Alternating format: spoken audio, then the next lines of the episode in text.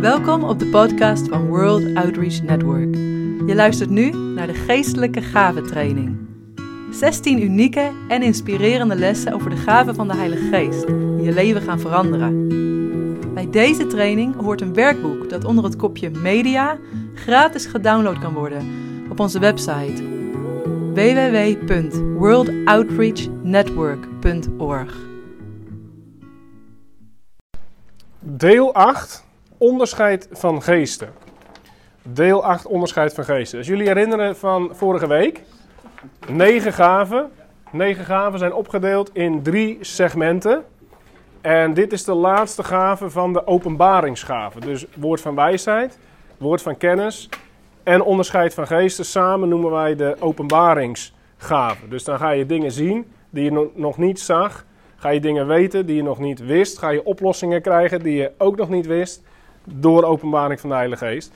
En dus nu onderscheid van geesten. Dat is de laatste in deze groep die we nog gaan behandelen. En dit is echt een gave die je helpt, uh, die ook beschermt in je christelijke wandel. Dus uh, onderscheid van geesten, wat is het? Een definitie van onderscheid van geesten komt die.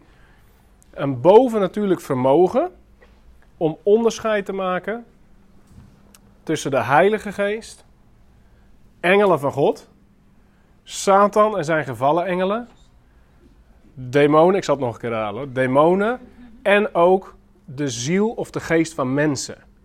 Dus dat je onderscheidt, een bovennatuurlijk vermogen om onderscheid te maken tussen de Heilige Geest van God, engelen van God.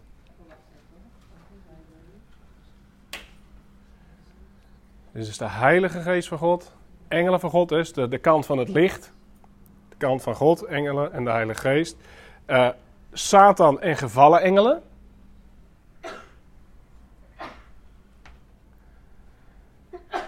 Gezondheid. Demonen en ook de ziel of de geest van mensen. Is een demon anders dan een gevallen engel? Ja, voor zover ik uh, daar inzicht in heb, is dat wel zo. Maar dat is misschien uh, dat is, dat, is een heel groot thema, misschien van een andere keer. Maar even heel kort. Uh, gevallen engelen zijn geestelijke wezens die zich in de lucht ophouden, in de, in de tweede hemel. En demonen zijn geesten die zich op aarde bevinden en die heel graag een lichaam willen hebben. Nou, hoe dat komt en hoe dat verschil komt, dat is een, ja, dan ga je echt in de hè, demonenleer. Uh, maar dat is een wezenlijk andere geest. Een engel heeft geen behoefte aan een lichaam. Die is gewoon heel blij met, met de identiteit en de entiteit die hij is. Terwijl een demon, dat is eigenlijk een geest die uit een lichaam komt, oorspronkelijk. En altijd een lichaam zoekt. En die proberen dus echt je leven binnen te dringen.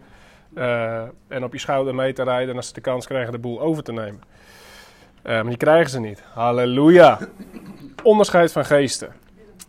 Zijn deze gaven beschermd? Ja, hij beschermt. En dan ga ik, ik, ga, ik zal een voorbeeld geven, dan snap je wat ik bedoel. Um, jaren geleden woonde ik nog in dit gebied. En was ik met Kees ook betrokken bij de jeugdgroep hier. En was er een jongen die wilde een bijbelschool gaan doen in Duitsland. Een vriend van mij. Dus hij moest daarheen om zijn aanmelding te regelen. Ik zei, weet je wat, ik, lift, ik ga wel met je mee. En we gingen lekker liften, dus echt uh, de tijd van uh, studentenleven. En, uh, dus wij lekker liftend naar Duitsland. En we hadden die intake bij de bijbelschool. En we ontmoetten de leider, de directeur van de bijbelschool. Die ging zo tegenover ons zitten op een stoel. En hij stelde zo wat vragen. En ik kijk die man aan en ik denk, er is echt iets mis met die vent. Er is gewoon iets mis. Er zit iets in hem, er komt iets uit hem van duisternis, van onreinheid. Er klopt gewoon iets niet. Dus we komen uit dat gesprek en mijn vriend zegt: ja, Ik ben enthousiast, ik ga het doen. Ik zeg: Weet je dat zeker? Want ik had echt geen klik met die man, met die directeur. Ah ja, weet je wel. Ga het toch gewoon doen. Hij gaat naar die Bijbelschool toe.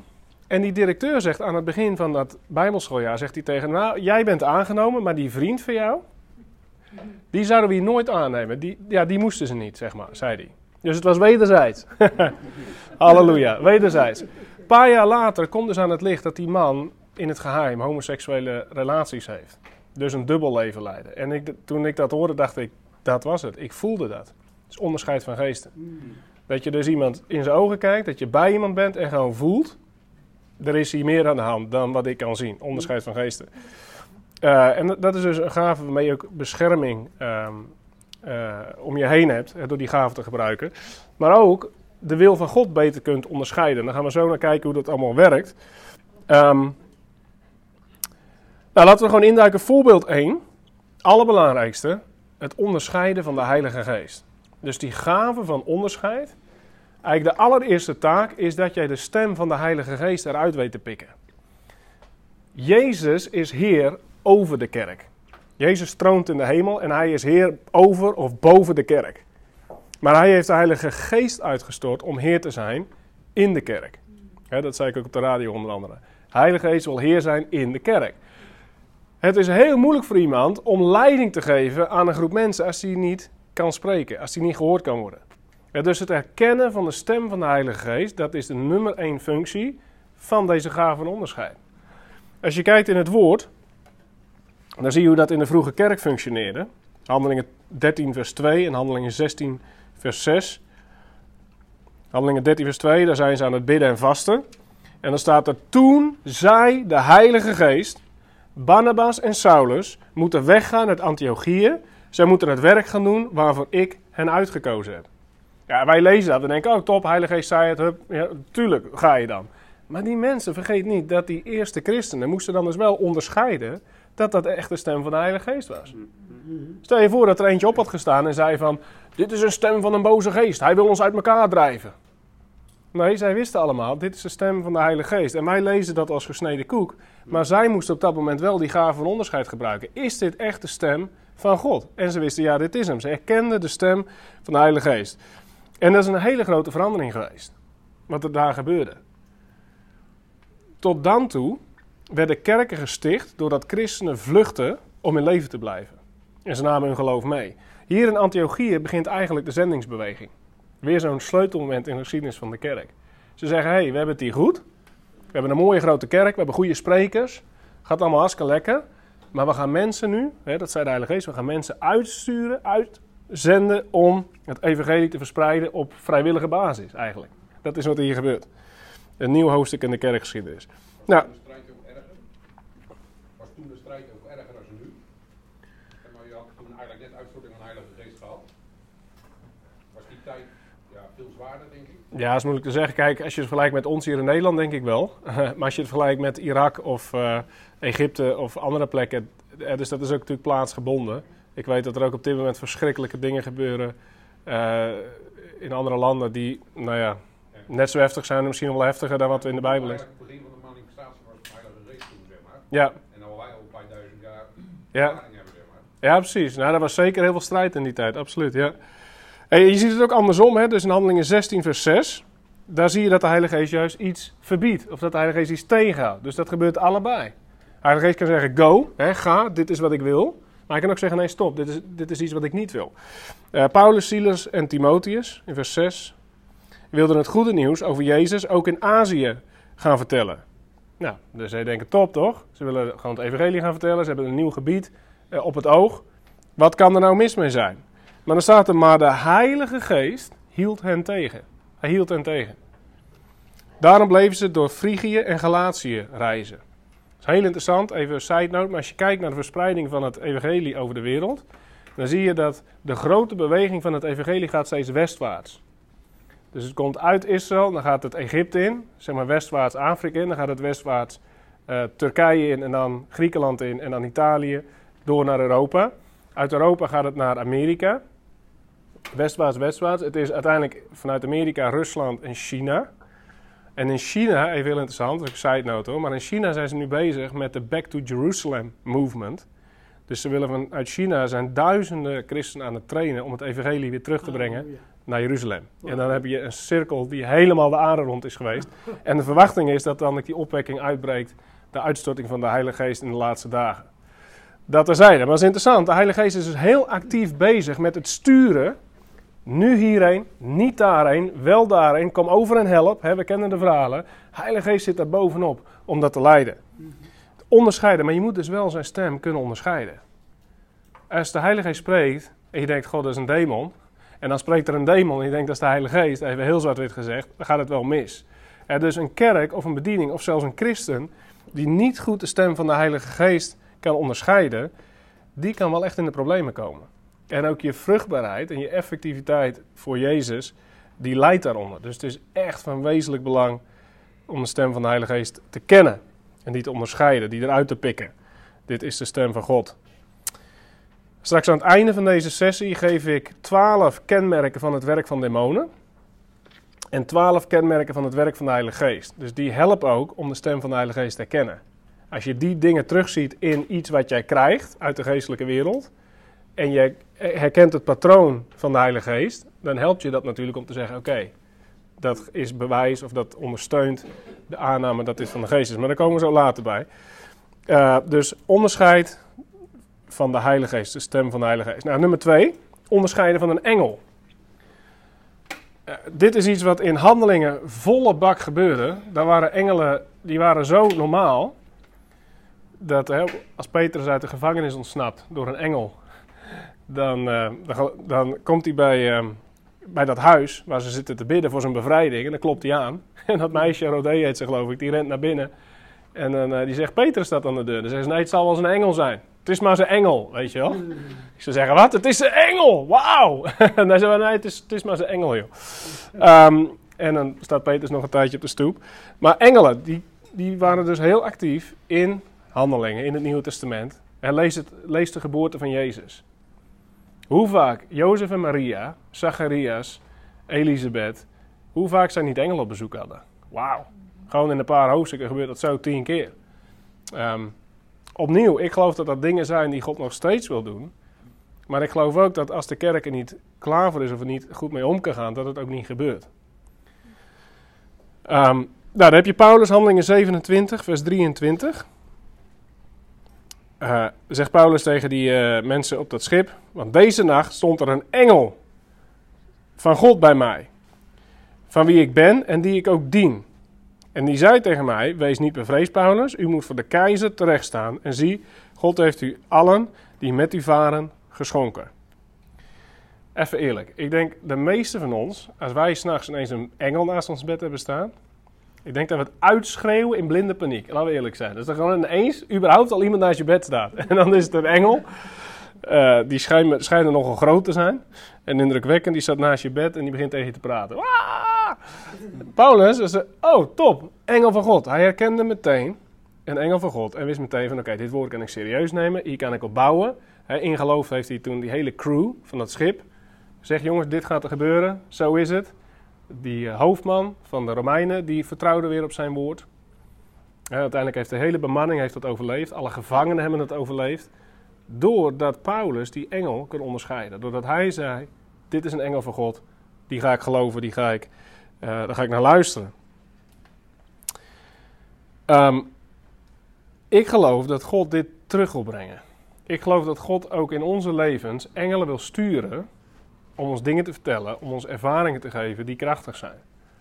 Maar ik geloof wel dat, dat we ons daar naar uit mogen strekken, dat we daarover in gesprek mogen met de Heer. En ook dat we ons verre houden van verkeerde connecties met engelen. Want in een New Age en, en hè, in, die, in die wereld is er heel veel te doen met engelen.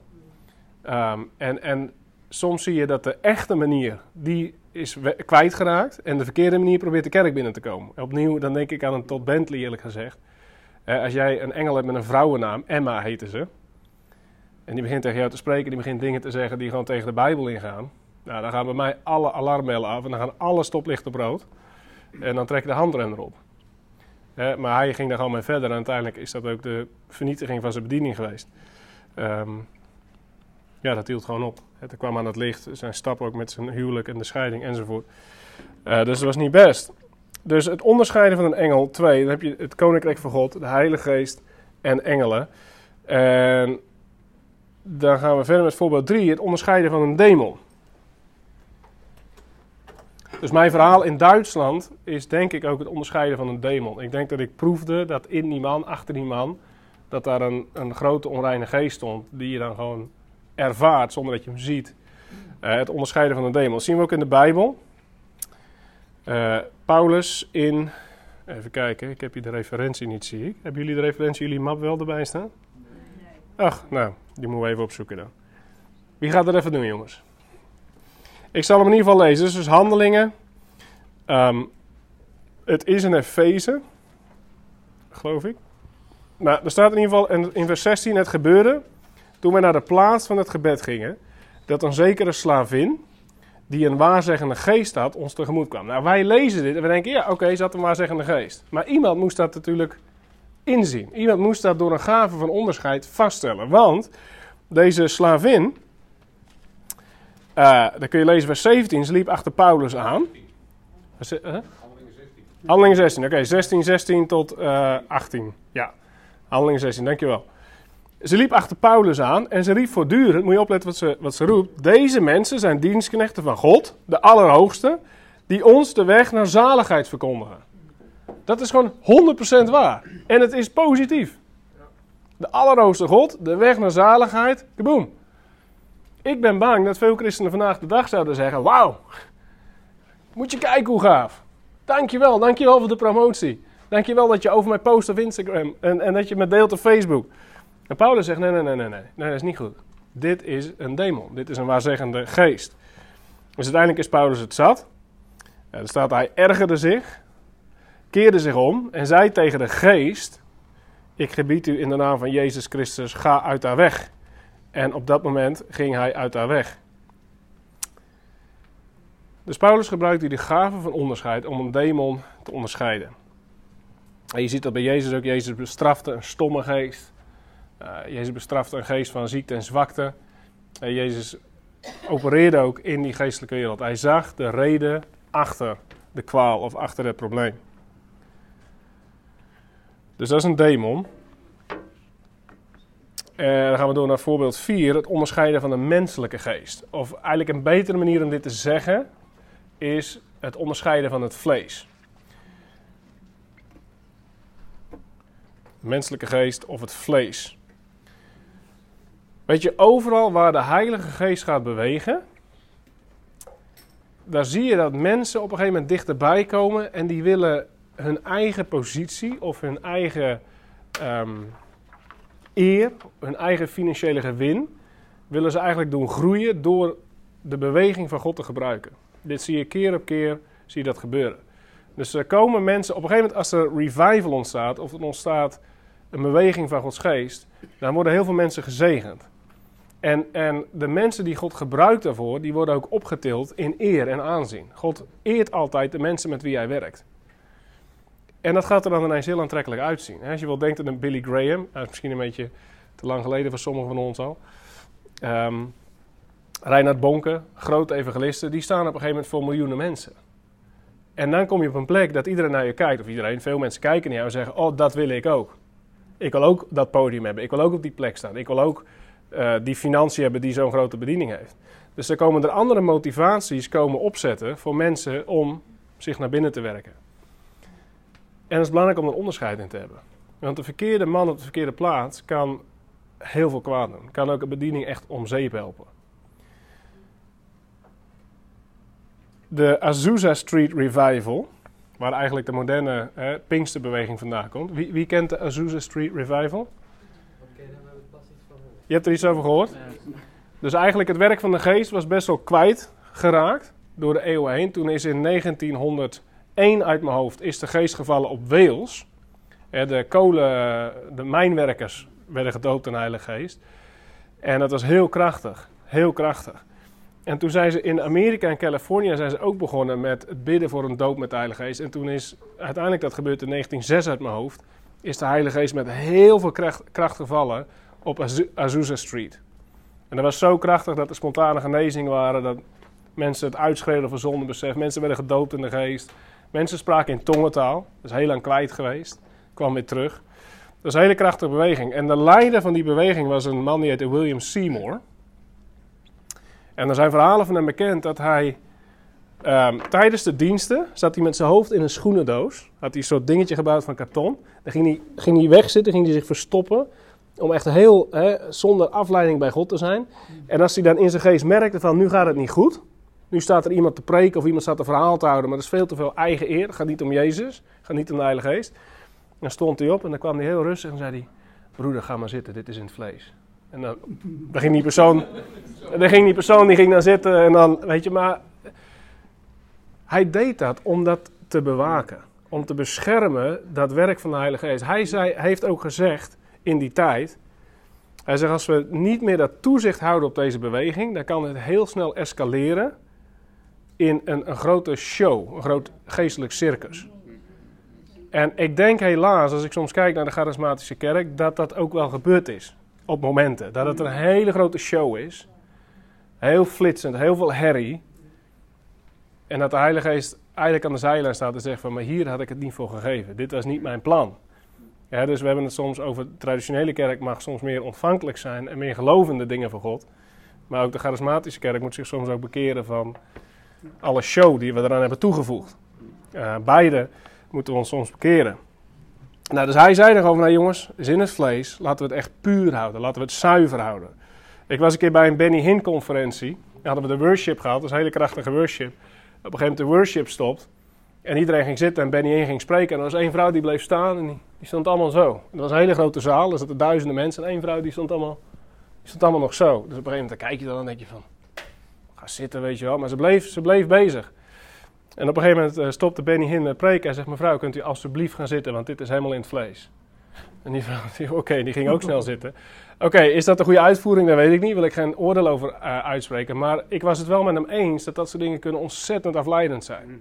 Als één iemand denkt dat hè, hij of zij in de geest iets moet doen wat duizenden mensen af kan leiden van wat er op dat moment gewoon gebeurt, wat de Heilige Geest aan het doen is, dan is het goed als daar ook autoriteit is om, daar, om dat te adresseren. En te zeggen, hé, laten we dit even niet doen. Laten we het gericht houden op wat God aan het doen is.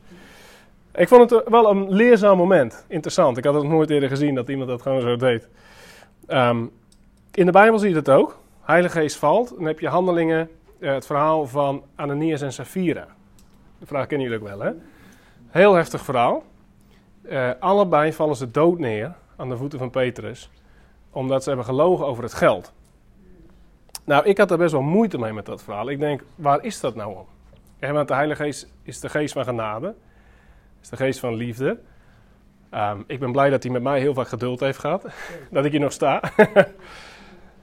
maar toen kreeg ik een, een inzicht en denk ah, dat is het geweest. Weet je, die vroege kerk was eigenlijk een soort pensioenfonds. Hoe bedoel ik dat? Iedereen die radicaal daarbij wilde horen, die gaf zijn bezit weg al zijn, uh, ze verkochten landerijen. En dan legden ze het geld aan de voeten van de apostelen. Dan, gingen ze, dan werden ze deel van dat team. En dan werden die mensen betaald uit de collectes en de inkomsten die binnenkwamen in de vroege kerk. Wat Ananias en Sapphira deden, zij verkochten hun land en hun huis, weet ik, ze verkochten hun bezittingen. Ze kwamen met een deel van het geld naar de apostelen toe, zodat ze in die groep konden van mensen die zeg maar in het pensioenfonds van de vroege kerk. Snappen jullie het? Mm. Ze, kregen dan, ze werden dan betaald zeg maar, uit de inkomsten van de vroege kerk, terwijl ze eigenlijk stiekem gewoon een geld hadden liggen. Dat is volgens mij wat daar gebeurt. En daarom. Ze gaven niet alles, precies. Maar er zat een reden achter. Want door, door een deel te geven, konden zij geld gaan trekken van de vroege kerk. En dus zij waren puur daar bezig met hun eigen gewin. Met hun eigen, met de, met de verbetering van hun eigen financiële situatie. En de Heilige Geest zegt, dat gaan we niet doen. Strepen door. Dit is zo puur. Dit is zo puur, dit gaan we puur houden. En dat, dat werkt heel heftig uit. Hetzelfde zie je uh, bij Simon de Tovenaar in Samaria. Dat puur de leugen was. Ja, dat. Dat, van de, dat ze zeggen, ja, ik heb heel de opbrengst heb ik aan jou Ja. gegeven. Dat het niet was, dus dat puur Precies. tegen. Maar de reden die erachter zit, denk ik hoor. Dat is, een- dat is een indruk die ik kreeg. Ja, De reden die erachter zit, door als jij alles gaf, ja. dan maakte je aanspraak op zeg maar die, ja, hoe zeg ik dat, soort, die geestelijke verzekering. En want er staat, zij, zij hadden alles gemeenschappelijk, zij deelden alles met elkaar. Dus mensen die echt in die inner circle stapten, die hadden geen eigen bezit meer, die, die deelden gewoon hun bezittingen met elkaar. Dus dan kreeg jij van de kerk, van de vroege kerk, kreeg jij jouw voorziening, zeg maar. Maar als jij dus in die voorziening stapte, terwijl je stiekem gewoon je spaargeld nog achter de hand had, Ja, van land nog. dan had je dus dubbele potjes. Ja, En dan, dan was je dus eigenlijk aan het liegen tegen de Heilige Geest en tegen de kerk. eh, waar, jij, waar jij stond in je, in je positie. Ik denk dat er ook staat dat, eh, dat ze gerust hun eigen- deel hadden mogen houden. Ja. Omdat ze het wel eerlijk hadden moeten zeggen. Ja, precies. Want dan was het duidelijk voor de apostelen. We hoeven jullie niet te betalen, want jullie hebben gewoon nog geld. Snap je? Maar net als met, met wat Paulus, of wat eh, Petrus over de weduwe zegt. Oh, sorry, Paulus. Als een weduwe nog familie heeft en nog mensen heeft die voor haar kunnen zorgen, dan moet de familie voor die weduwe zorgen. Pas als een weduwe geen geld meer heeft, geen familie heeft, dan stapt de kerk in. En dan gaat de kerk voor zijn vrouw zorgen. Dus de vroege kerk was gewoon aan het kijken welke mensen staan op onze lijst. Welke mensen moeten wij in leven houden. Ik denk het hoor. Ik bedoel, hè, dat is, het is interpretatie. Dit is wat ik in dat verhaal las laatst. Toen ik, want ik zit daar met die vraag: waarom zo radicaal? Waarom zo heftig? Weet je wel? Ehm, dus hun trucje was eigenlijk: wij willen lekker trekken, uitkering trekken bij de kerk. En ondertussen ons geld eh, achter de hand houden. Dat is wat ik denk. Lees het zelf, toets het zelf. Halleluja. Ik zal het er eerlijk bij zeggen als ik denk dat iets zo is, joh. Halleluja. Dus onderscheid van geesten. Eh, de menselijke geest of het vlees hadden we het nu over. Simon de tovenaar de Samaria, die ziet die kracht. En die denkt, zo, dat heb ik in heel mijn uh, tovenaarspraktijk niet meegemaakt zo. En dan komt hij dus met geld naar Petrus toe om het te kopen. En Petrus vervloekt hem. Als je dat leest, dat is pittige taal. Petrus vervloekt hem. Omdat Petrus instant begrijpt, door de Heilige Geest... als mensen de zalving gaan proberen te kopen dan gaan we er zo'n circus van maken. Dan wordt het zo nep. En dan gaat het zo om macht en roem en geld en dat soort dingen. Dat moet je echt niet willen. En dus die onderscheid van geesten, die houdt het zuiver. Die, die ziet erop toe dat dingen zuiver en eerlijk en in de waarheid gebeuren. Hoe ontvang je een gave van onderscheid? Hoe ontvang je gave van onderscheid?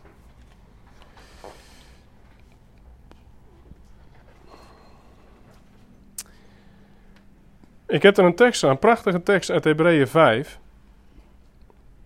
En die, die, die loopt ook een beetje over weer naar een eerdere vraag van vandaag. Van, hey, kun je nou de gave van de geest oefenen?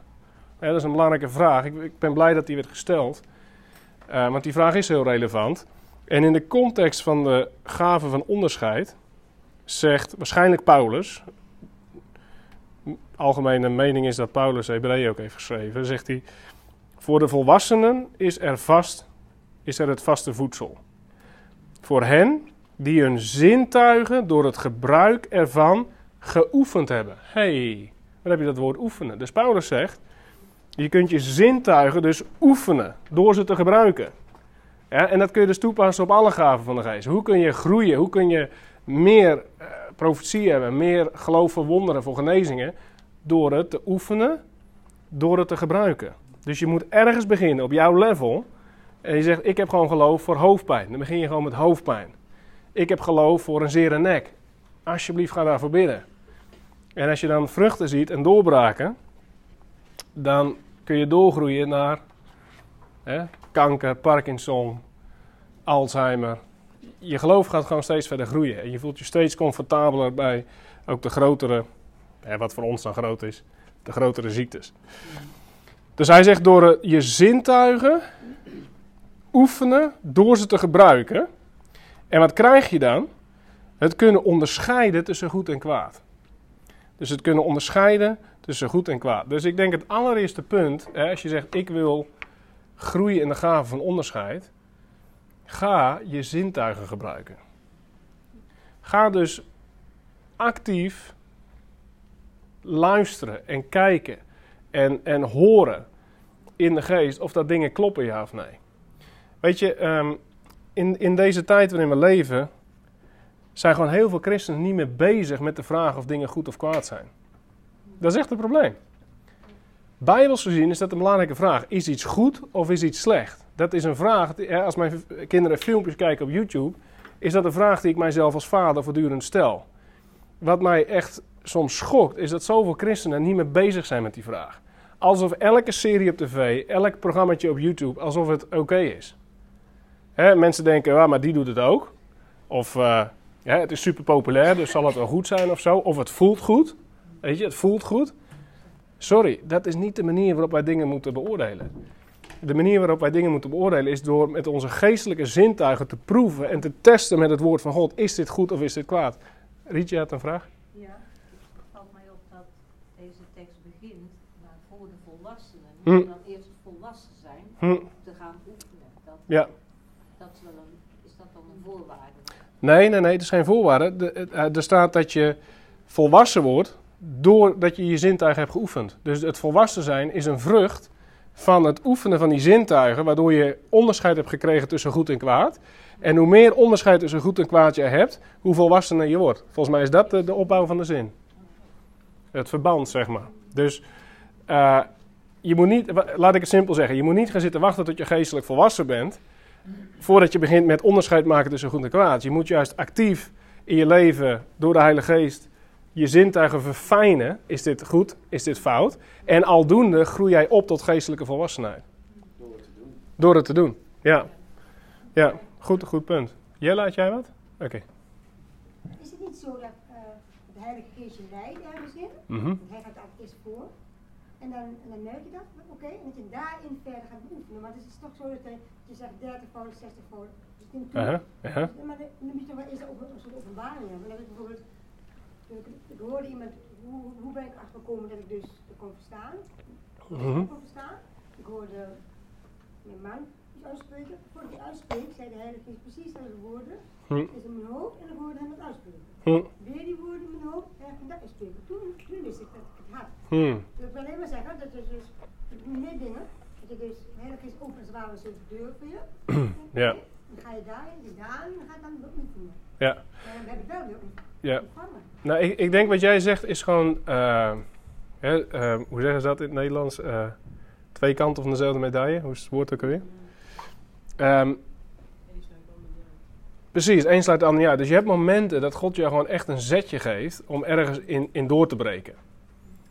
Hè, dat je soms zonder geloof, soms eh, vraagt iemand, kun je bidden voor genezing? Ik eh, ik wil weg, ik ben moe. Je legt toch even snel je hand op een pof, er is ineens genezing. En je denkt in mijn hart, ik geloofde amper, weet je wel. Dan is God die jou gewoon even zo'n bemoediging geeft van, hé, als jij je hand oplegt, gebeuren er dingen. Maar dat sluit niet uit dat, dat met heel veel dingen in het geestelijk leven, dat je je uit mag st- strekken in geloof, dat je risico mag nemen, dat je jezelf op die plek mag zetten van, hé, het gaat nu gebeuren, God, of niet. Maar ik neem een stap van geloof, omdat ik geloof dat die geest in mij is. Snap je? Dus ik zou er geen theologie van willen maken van, als sommige dingen in je schoot worden gelegd, dat je dan altijd met elk ding in de geest gaat wachten tot het in je schoot wordt gelegd. Hè, want ik deelde dat met Mike in de pauze. Eh, de Bijbel zegt, de geweldenaars grijpen het koninkrijk der hemelen. The violent take it by force. En dat als je biografieën leest, dat is een van mijn hobby's, biografieën lezen van geestelijke mannen en vrouwen, dan zie je dat het altijd mensen zijn, eigenlijk zonder uit- uitzondering, die iets grijpen van God en het echt zeg maar pakken, die, die in geloof uitstappen en die zeggen het woord zegt genezing, dan ga ik bidden voor genezing totdat het gebeurt. Ik weet niet of jullie Todd White kennen, bekende evangelist. Eh Todd White las over genezing in de Bijbel. Hij denkt, nou, dat is Bijbels, dat wil ik.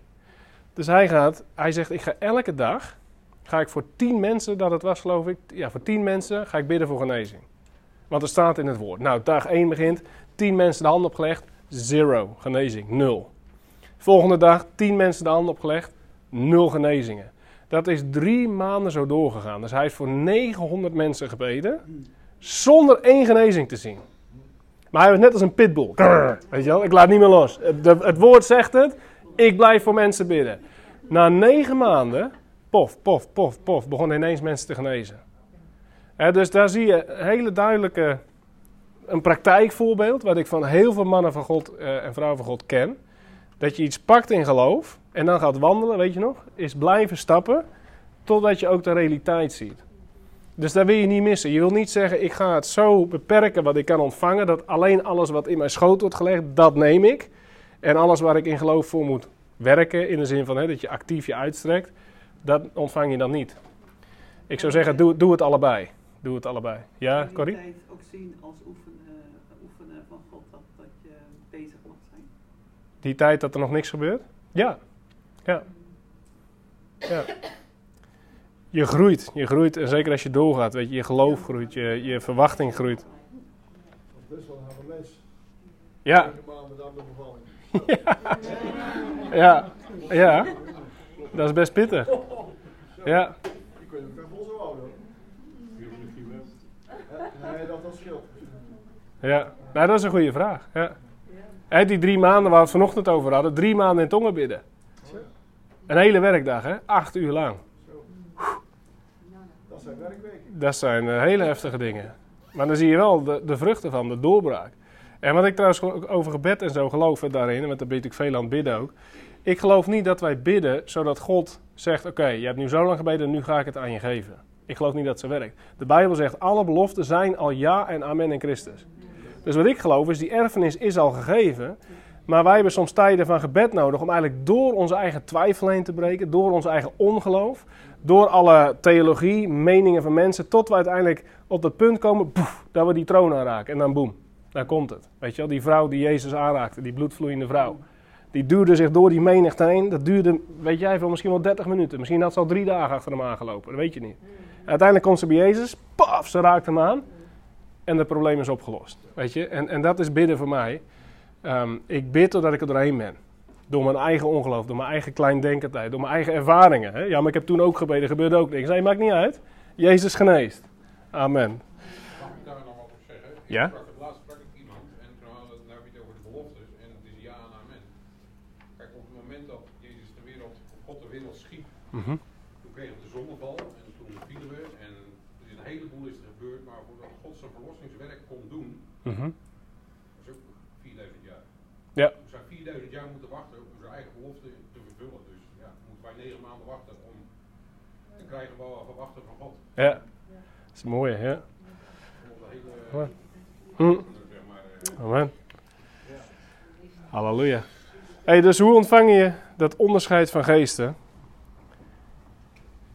Wees daarmee bezig. Weet je, we zitten in zo'n tijd van acceptatie. Hè? We zitten in een, in een seizoen in de wereldgeschiedenis van tolerantie.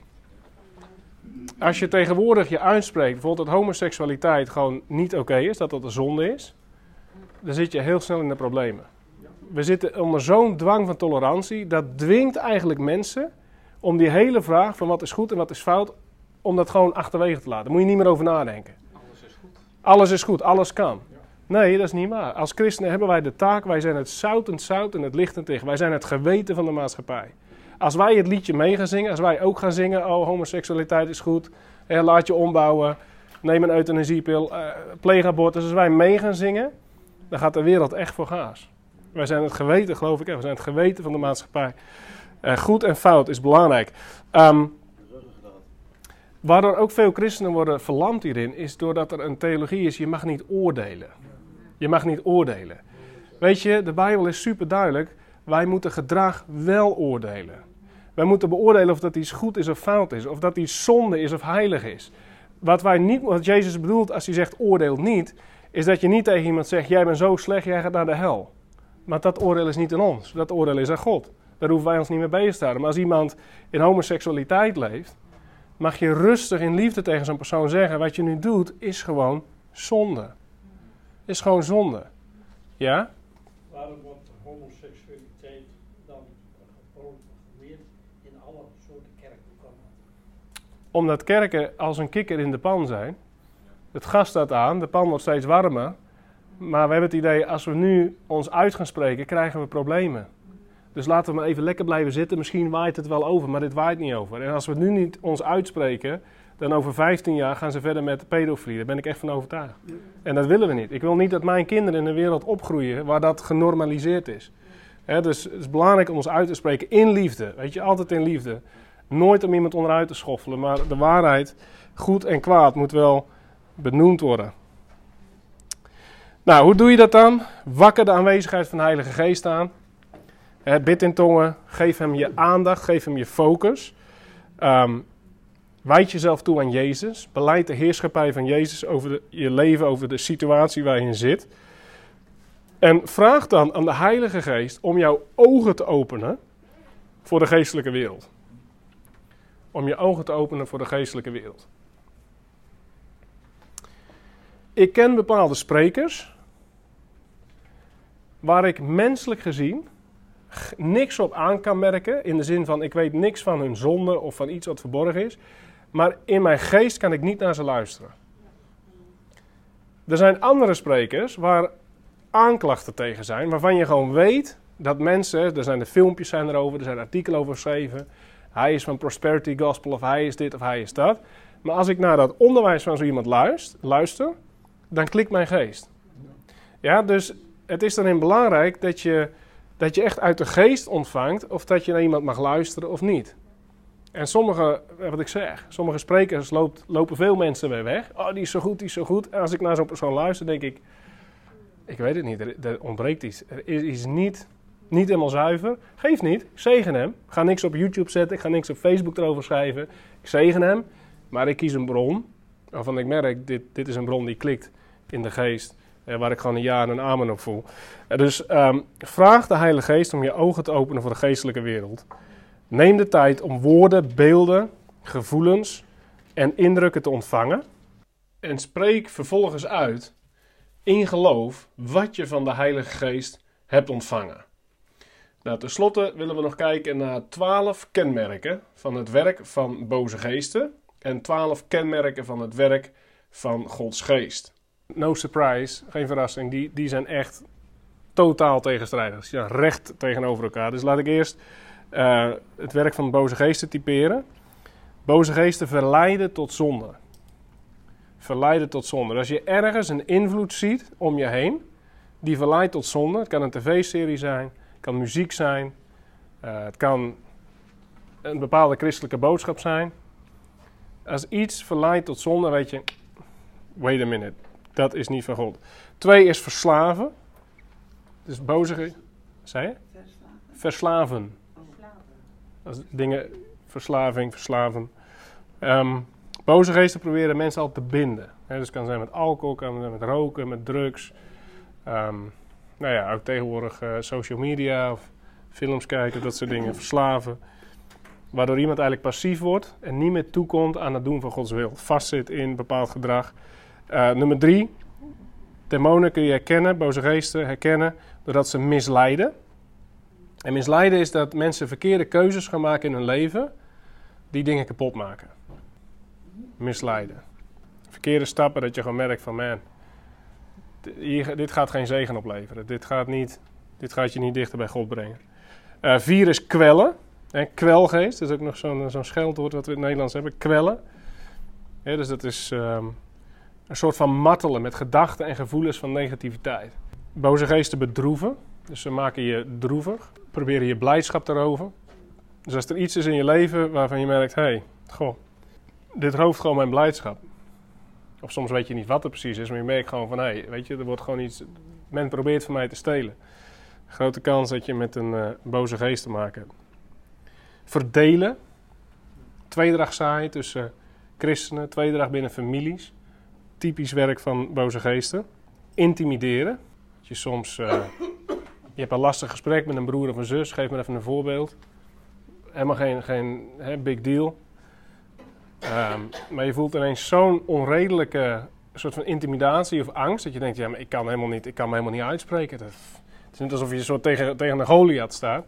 Kan dus zijn, hoeft niet, hè. Je moet altijd dat toetsen. Uh, maar het kan zijn dat er geest van intimidatie door iemand heen werkt. Vaak in combinatie met manipulatie. Uh, dat je niet meer die gelijkwaardigheid voelt om gewoon een normaal gesprek aan te gaan, maar dat je eigenlijk op voorhand al voelt van ik sta tegen een soort overmacht.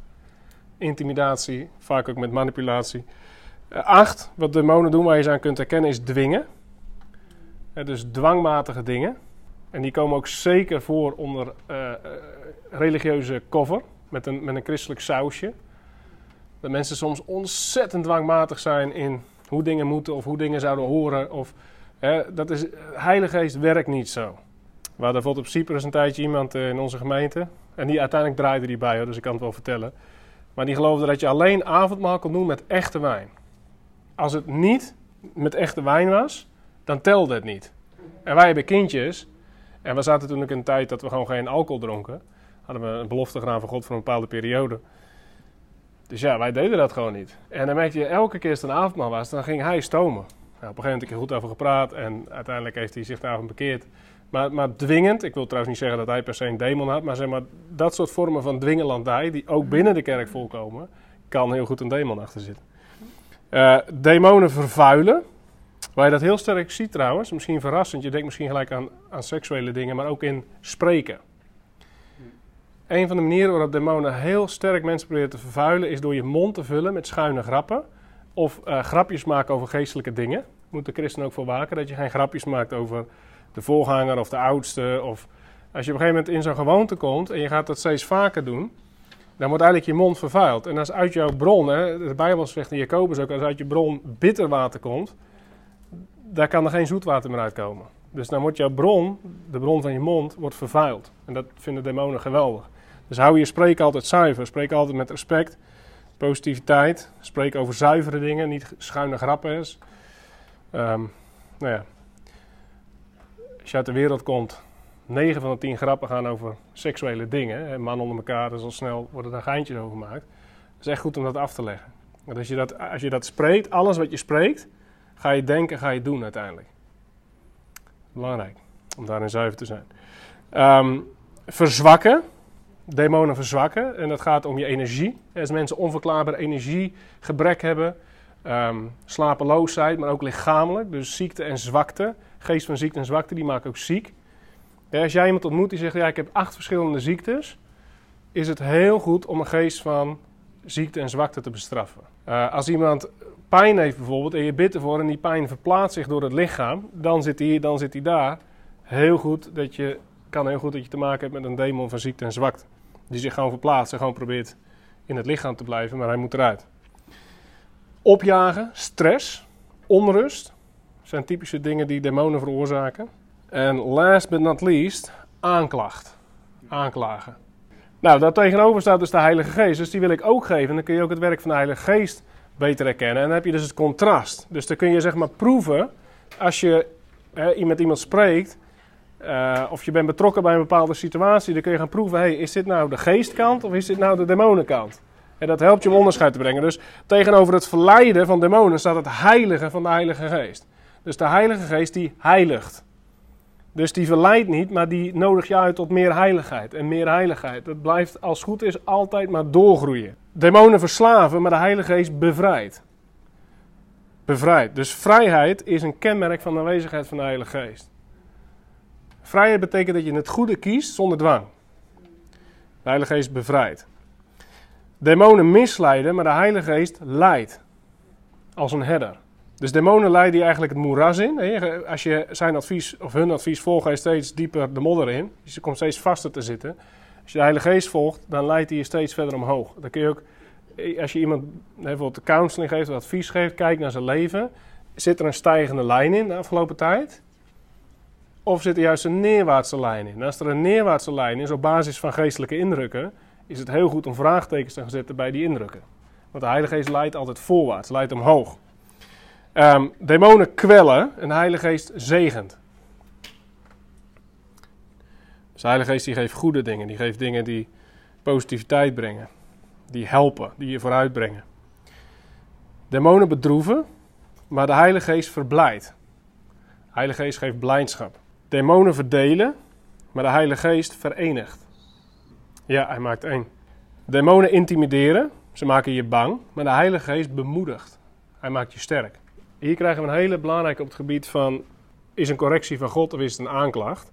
Want demonen die dwingen, maar de Heilige Geest overtuigt. Hij overtuigt. Dwingen is eigenlijk een kracht van buitenaf vanuit negativiteit.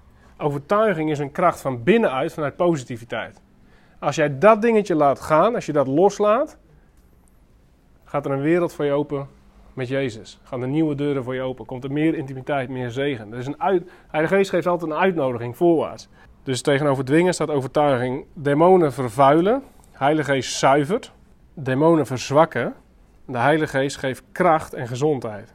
Demonen willen je opjagen. Dat je het gevoel hebt, ik sta er alleen voor. Er is niemand die mij beschermt. Er is niemand bij wie ik kan schuilen. Er is, er is geen veilige plek. De Heilige Geest daar tegenover die beschermt. Die zegt, hier mag je zijn, onder mijn vleugels. En de laatste, natuurlijk heel duidelijk. Demonen klagen aan en de Heilige Geest spreekt vrij. Bedankt voor het luisteren naar deze podcast. We moedigen je aan om het geleerde meteen in de praktijk te brengen en te delen met anderen. Ben je gezegend door het Bijbelonderwijs van World Outreach Network en wil je ons helpen om Gods woord ver en wijd te proclameren? Word dan financieel partner door het online donatieformulier in te vullen onder het kopje Project Wereld op onze website www.worldoutreachnetwork.org.